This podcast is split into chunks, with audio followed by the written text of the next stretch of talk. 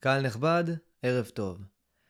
סרטון שרציתי להקליט היום לא יצא לפועל. מי שלא יודע, אני עכשיו נמצא בצבא, סוגר 21, 12, 2, דברים כאלה, ולכן אין כל כך סיכוי שאני אספיק לעשות סרטון ביומיים.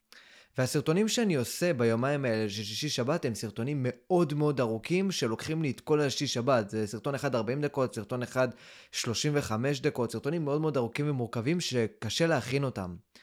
וניסיתי להכין סרטון כזה היום, כי היום יום שישי, והכל התחרבש לי, כאילו אפילו הייתה לי איזושהי בעיה מטומטמת בתוכנת עריכה, אחרי שקעתי את הכל וגם זה יצא חרא, שמשום מה האודיו, הסאונד, לא היה מסונכרן עם הווידאו, אבל בקטע שהסאונד היה חמש דקות יותר מהווידאו, ואני אפילו לא יכול להסביר לכם את זה. מי שמבין בסאונד, כאילו אם יכול להסביר לי איך זה הגיוני פיזיקלית שאני מדבר, יש וידאו, ובסופו של דבר, למרות כל זה, האודיו שלי הרבה יותר ארוך מהווידאו. למרות שזה כן מסונכן באיזשהו אופן. קיצור, זה היה ממש מטומטם, והרבה בעיות קרו לי במהלך היום הזה, ולכן החלטתי שאני לא הולך לוותר על סרטון, אלא אני הולך לעשות לכם סרטון, סרטון דומה לסרטון שעשיתי לכם אה, לפני משהו כמו חודש, אני חושב, סרטון על ערכים. וזה הולך להיות סרטון על ערך אחד, ערך אחד שלמדתי במהלך השנה הזאת.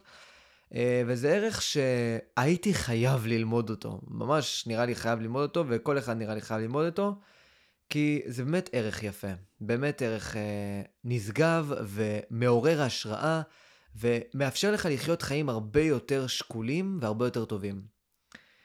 הערך הזה הוא ערך שאריסטו והרמב"ם מאוד אוהבים, ואנחנו הולכים לקרוא לו בסרטון הזה, כמו שהרמב"ם קרא לו בספר שלו, מורה נבוכים, ואני חושב גם בכוזרי הוא קרא לזה ככה. לערך הזה קוראים שביל הזהב.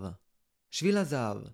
שביל הזהב זה מעין רעיון מופתי, שאני מסכים איתו במאה אחוז, חבר'ה. אני לא חושב שיש עוד איזושהי מערכת מוסר שיכולה להביא לך, שיכולה לאפשר לך חיים כל כך נוחים וטובים, כמו מערכת המוסר שהרמב"ם ואריסטו תומכים בה, שביל הזהב הזה.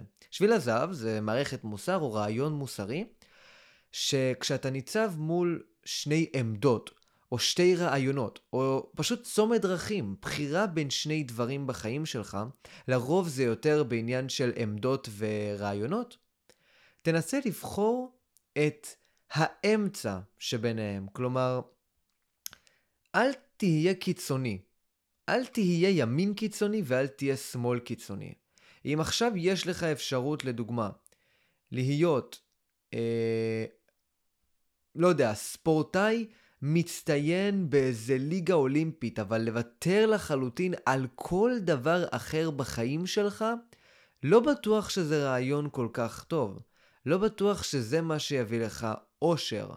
אריסטו אומר שאתה צריך להיות ספורטאי מצטיין ולהשקיע במשהו אחר, ולהשקיע במשהו אחר בחיים שלך. אם יש לך גם אהבה גדולה, כמו אצלי לדוגמה ליצירת תוכן, אני לא יכול לוותר לגמרי על היצירת תוכן ורק להתמקד בצבא כל הזמן, למרות שאני רוב הזמן ממוקד בצבא. לא, אם האהבה שלי זה יצירת תוכן, אני צריך לשלב בין השניים, גם אם זה אומר שהפעילות שלי בשתי הדיסציפלינות האלה, בשתי המקומות האלה, תהיה פחות טובה. Um, עכשיו, אני לא הסכמתי עם הגישה הזאת בכלל, הייתי מאוד uh, ניטשיאני בראש שלי. אמרתי, אם אתה באמת רוצה להציג איזשהו משהו, אתה צריך להקריב הכל בשביל זה. כאילו, אתה צריך להיות, אתה יודע, ב grind כל הזמן, רק בשביל הדבר הספציפי הזה. אבל uh, לדעתי, ההקרבה הזאת שאתה עושה בשביל האידיאל הזה, היא פשוט לא שווה את זה, כי אתה מפספס את כל רבדי החיים בזמן שאתה מנסה לרוץ לעבר האידיאל הספציפי והמסוים הזה. אה, ואריסטו והרמב"ם באמת דיברו על זה הרבה, ונתנו המון המון רעיונות והמון המון טענות ללמה זו הדרך הכי נכונה לחיות. עכשיו, הגישה שלהם עוד פעם הייתה גישה שמתמקדת יותר ברעיונות, ברעיונות, בערכים ובעמדות פוליטיות. ברגע שאתה ניצב מול שתי עמדות, שתי ערכים מנוגדים, אסור לך אף פעם ללכת יד ביד עם עמדה אחת ולהיות קיצוני ולהיות אה, אה, מאוד מאוד אה, קנאי לדעה הזאת וללכת אחריה ולא לחשוב על שום דבר אחר. אריסטו חושב שאם אתה רוצה לחיות חיים טובים, אתה אף פעם לא יכול להיות ימני ואתה אף פעם לא יכול להיות שמאלני. אתה תמיד צריך לרקוד בין שתי החתונות. אתה תמיד צריך, וגם הרמב"ם, כן? אתה תמיד צריך ללכת בשביל הזהב, ואפשר להגיד להיות גם ימני וגם שמאלני בו זמנית. מה זה אומר אבל בתכלס? כי הרי יש סתירות בין שתי המערכות הפוליטיות האלה. זה אומר שאתה פשוט חסר דעה פוליטית באיזשהו אופן. זה אומר שאתה בחיים לא משתעבד לדעה פוליטית מסוימת וסותם את האוזניים שלך אה, לכל דעה פוליטית אחרת שיכולה להיות. הרמב"ם אומר שאתה צריך כמה שיותר להידמות לאלוהים. ואלוהים, מה שמיוחד באלוהים זה שלא יש את ההסתכלות הכי רחבה על העולם. ברגע שאני מתמקד בערך מסוים, אני כאילו הופך להיות בעל ראייה צרה יותר את העולם. כלומר, אני רואה את העולם באופן מאוד מאוד צר. אם אני בתור אה, מלש"ב, אם עכשיו יש פה מלש"בים שרואים את הסרטון, אומר, אני רק הולך להגיע לסרט מטכ"ל, לא אכפת לי מה קורה, לא אכפת לי מגלן, לא זה, לא שטת 13, לא כלום, שום דבר. סרט מטכ"ל, סרט מטכ"ל, סרט מטכ"ל, סרט מטכ"ל. הראייה שלי את העולם צרה, ובסופו של דבר אם אני לא אגיע לסרט מטכ"ל ואני אגיע למגלן, אוי ואבוי מה קרה, אני אפעל פחות טוב במהלך השירות שלי. כי אני ארגיש, וואלה, לא הגעתי ל top של ה top, למרות שמגלן, חבר'ה, זה ה top של ה top, כן? אבל אני ארגיש שלא הגעתי ל top של ה top רק בגלל שהראייה, התפיסה שלי את העולם, היא מאוד מאוד צרה, אני לא מסתכל על התמונה הגדולה. אה, אני מכיר לדוגמה איזשהו מישהו אחד, באמת סיפור מרתק, של... אה, יש מישהו יודע, יש דבר כזה שקוראים לו אה, השבחת גדודים. השבחת גדודים זה איזשהו משהו שעושים אחרי גיבושים, שאנשים שעוברים סיירת מטכ"ל, עוברים כאילו את הגיבוש סיירת מטכ"ל, עוברים גיבוש של שייטת 13, או עוברים בכללי כל מיני גיבושים כאלה מאוד מאוד uh, קשים. Uh, אז זה או שזה אחרי הגיבוש, או שזה פשוט אחרי שהם uh, מודחים. מ- לדוגמה, אם עכשיו יש מישהו נמצא בטיס, אם מישהו מודח מטיס אחרי תשעה חודשים, עשרה חודשים, אפילו חמישה חודשים, אז יש דבר כזה שקוראים לו השבחת גדודים. לוקחים את אותו אדם מוצלח, מרהיב, חזק, גיבור עילאי, ומכניסים אותו לשריון פתאום. מכניסים אותו לתותחנים. אה, הוא הולך לעשות הכשרה, הוא הולך להיות מפקד שם, נגיד עכשיו אומרים לו, אתה הולך להיות מפקד בשריון, אתה צריך לעשות אה, הכשרת השלמה של אה, חודשיים ככה, משהו כזה, ווואלה, תתכונן, אחי, זה מה שקיבלת. סתום את הפה. אתה לא קיבלת מגלן אחרי טייס, אתה לא קיבלת, לא יודע, זה שייטת 13, זה תפקיד מוערך במודיעין, לא, אתה קיבלת שריון, ועכשיו אתה צריך לסתום את הפה. אם יש לך ראייה קצרה של העולם, לא ראייה שהרמב"ם מבקש שיהיה לך, לא ראייה רחבה, אלא אה, אתה ממש הולך כמו סוס אל עבר איזושהי מטרה מסוימת, ואתה לא מסוגל לראות באופן רחב יותר את הדברים, אתה לא מסוגל לקחת את הלימונים ולעשות מהם לימונדה, מה שנקרא. השירות שלך בתור מפקד בשריון הולך להיות חרא. עוד פעם, זה בדיוק אותה טענה שמתבססת על הכל. ברגע שאתה משתעבד למשהו, קודם כל, הסיכוי שתשיג אותו הוא אפסי, כי אנחנו תמיד שומעים את הסיפורים של אנשים שכן הצליחו להשיג את המיליארד דולר, ולא כל האנשים שלא הצליחו להשיג את המיליארד דולר ונמצאים בחובות ועתק וכל מיני דברים כאלה, אז אין סיכוי באמת שתצליח להגיע לסרט מטכ"ל, בואו לא נגזים, חבר'ה, מלש"בים שנמצאים כאן, תבינו שכל הכבוד שאתם מנסים להגיע לסיירת מטכ"ל, תמיד תמשיכו להתאמן, להתחזק ולהיות ב grind, אבל הסיכוי שתגיעו לשם הוא אחוז, חצי אחוז בערך, אז... ברגע שיש לך את הראייה הרחבה הזאת על העולם, אתה אומר, וואו, פתאום אני רואה את הטוב, כמו שאלוהים רואה את הטוב. כל, כל פעם שהוא ברא יום אחד, אה, נגיד ברא את יום שני, אמר ויהיה טוב. ברא את יום שלישי, אה, הוא אמר אה, כי, כי טוב פעמיים, פעמיים כי טוב. אני כאילו רואה את הדברים הטובים, אני רואה גם את הדברים הטובים, גם את הדברים הרעים, והראייה שלי כאילו מאוד רציונלית. מאוד רציונלית, חבר'ה, לא רגשית, אני לא לוקח דברים ללב. עכשיו, ברומן של דוסטויבסקי, החטא ועונשו, הרעיון הזה מובא באופן מאוד מאוד מעניין על ידי uh, שני דמויות, אחת רזומיכין ואחת האדון לוז'ין. האדון לוז'ין הוא super duper קפיטליסט כזה, קפיטליסט גם בדעותיו וגם בפעילות שהוא עושה, ורזומיכין הוא גם סוג של קפיטליסט, אבל הוא פשוט ממש שונא סוציאליסטים. כלומר, האדון לוז'ין קפיטליסט ומדבר על קפיטליזם באופן נשגב ומעורר השראה ולא מעניין אותו סוציאליזם ושטויות, ורזומיכין לא, לא כל כך חושב על קפיטליזם, אבל הוא כן תמיד מתמקד בזה שהוא שונא סוציאליסטים, לא סובל סוציאליסטים. ובשתי טקסטים שעכשיו אני הולך להקריא לכם, אתם רואים מה קורה לאדם שפשוט משתעבד לעמדות מסוימות ולא מסוגל לראות את התמונה הרחבה. פשוט לא מסוגל, חבר'ה. בן אדם שהשכל שלו לא מספיק מעודן כדי לחיות חיים כמה שיותר ביקורתיים ועם שכל כמה שיותר חריף, שמסוגל להרגיע לאיזושהי דרגה פסאודו-אלוהית, שמסוגלת לראות את העולם באופן רחב, וככה לחיות חיים הרבה יותר מאופקים ושלווים. אז בואו נתחיל עם האדון לוז'ין, זה שאוהב את הקפיטליזם, ושימו לב כמה רדוד הוא מראה את עצמו כשהתפיסת עולם שלו כל כך לא רחבה וכל כך רדודה, והוא מסתכל על הכל באופן כזה אה, מאוד אה, אינטרס אישי ומדעי וכל מיני שטויות כאלה, ופשוט בגלל שהוא מתייחס באופן כל כך קדוש לקפיטליזם, אז הוא פשוט מאבד לחלוטין את כל הערכים האחרים. ואז הוא הופך להיות כמובן אדם הרבה יותר רדוד, שמצחיק לשמוע את מה שהוא אומר. שימו לב.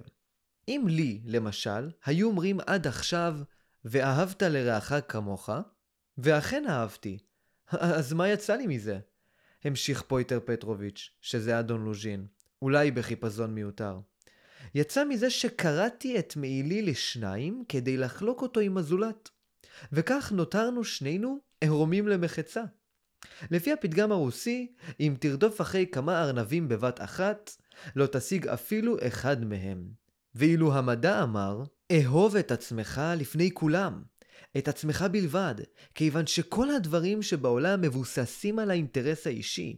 אם תאהב רק את עצמך, כי אז גם ענייניך תסדיר כמו שצריך, וגם מעילך יישאר שלם. ואילו האמת הכלכלית מוסיפה מצידה שכל כמה שבחברה נתונה יש יותר עניינים פרטיים מסודרים, אז בוא נאמר מעילים שלמים, כך רבים יותר היסודות המוצקים של אותה חברה, וכך מסודר ביותר אף העניין המשותף לכל.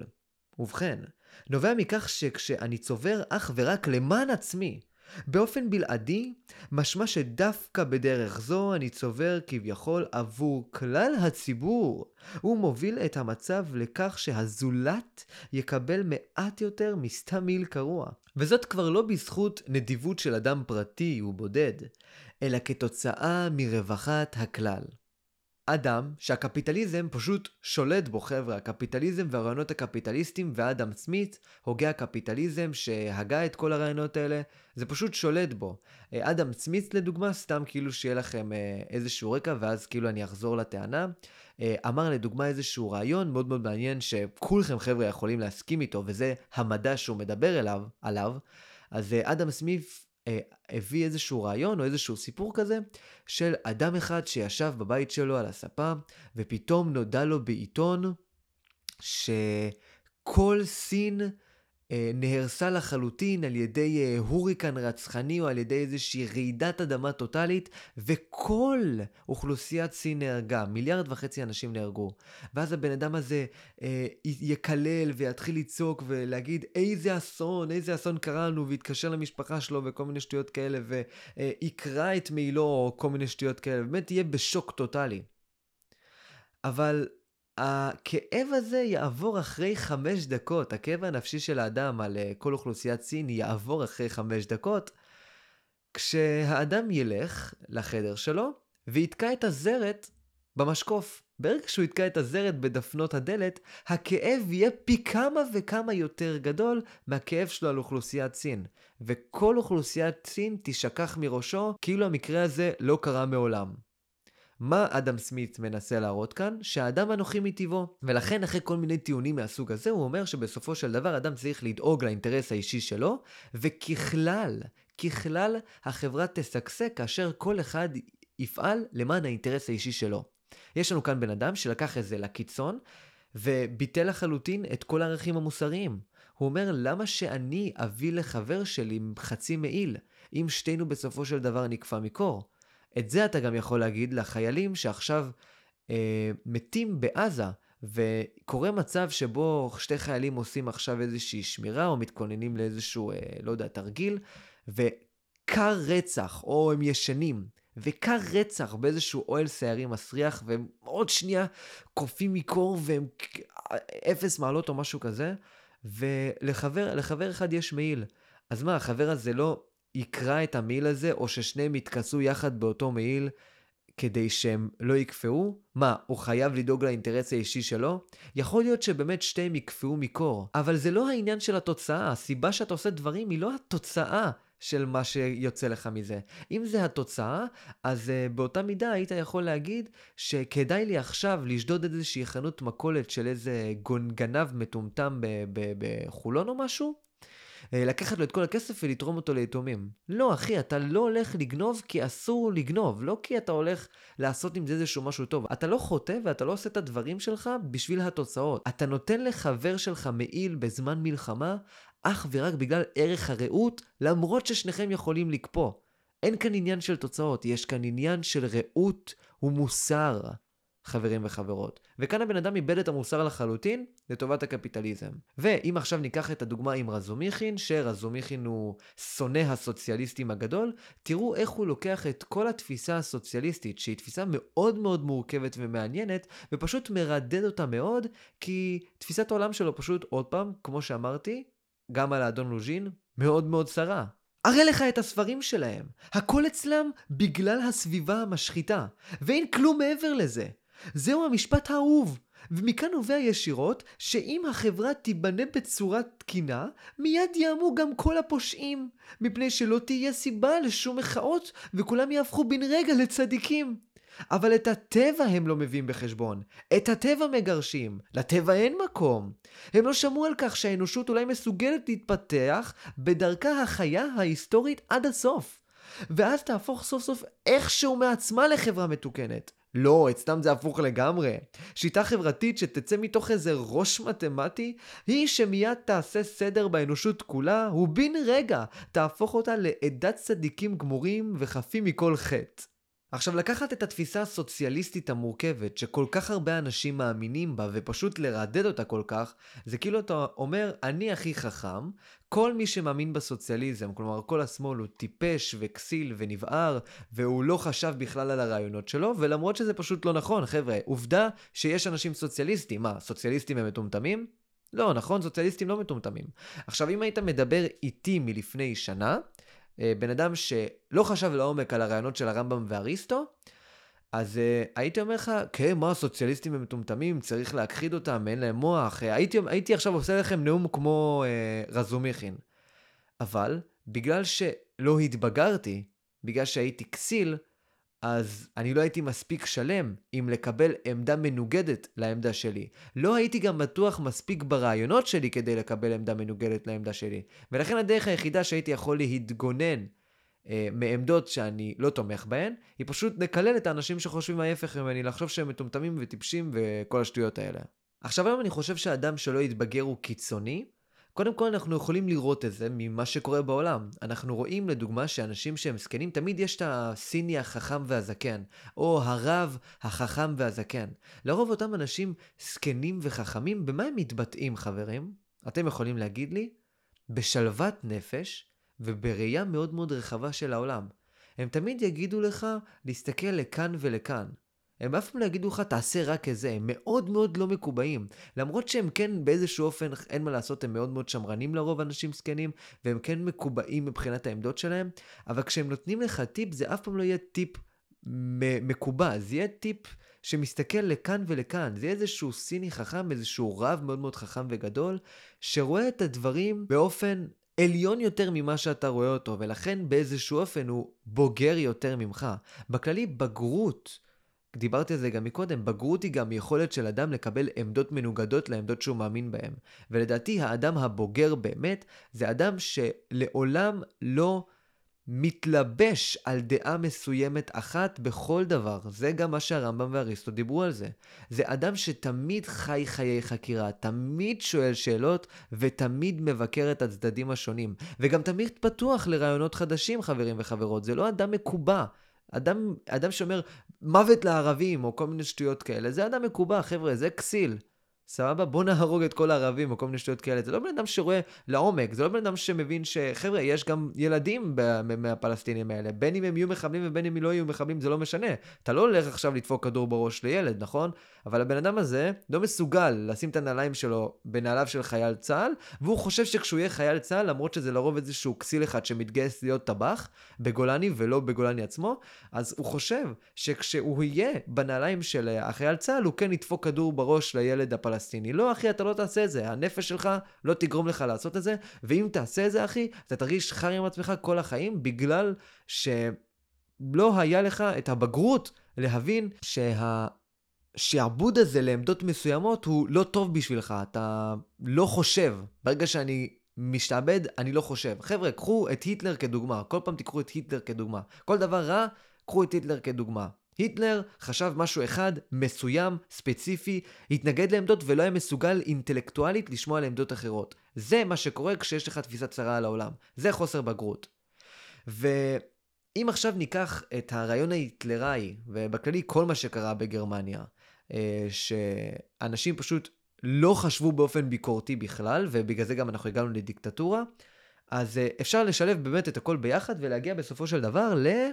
חברים וחברות, דרם רול, דרם רול, דרם רול, קרל פופר, החברה הפתוחה ואויביה, ספר נהדר חבר'ה, ספר פשוט מופתי, אני קראתי בערך שיש ממנו ואני ממשיך לקרוא אותו, באמת, זה, אני, חבר'ה, אני לא יודע מה להגיד, חבר'ה, זה ספר חזק, אוקיי? יותר טוב מ-1984 בוא נגיד ככה, והרבה הרבה פחות פופולרי.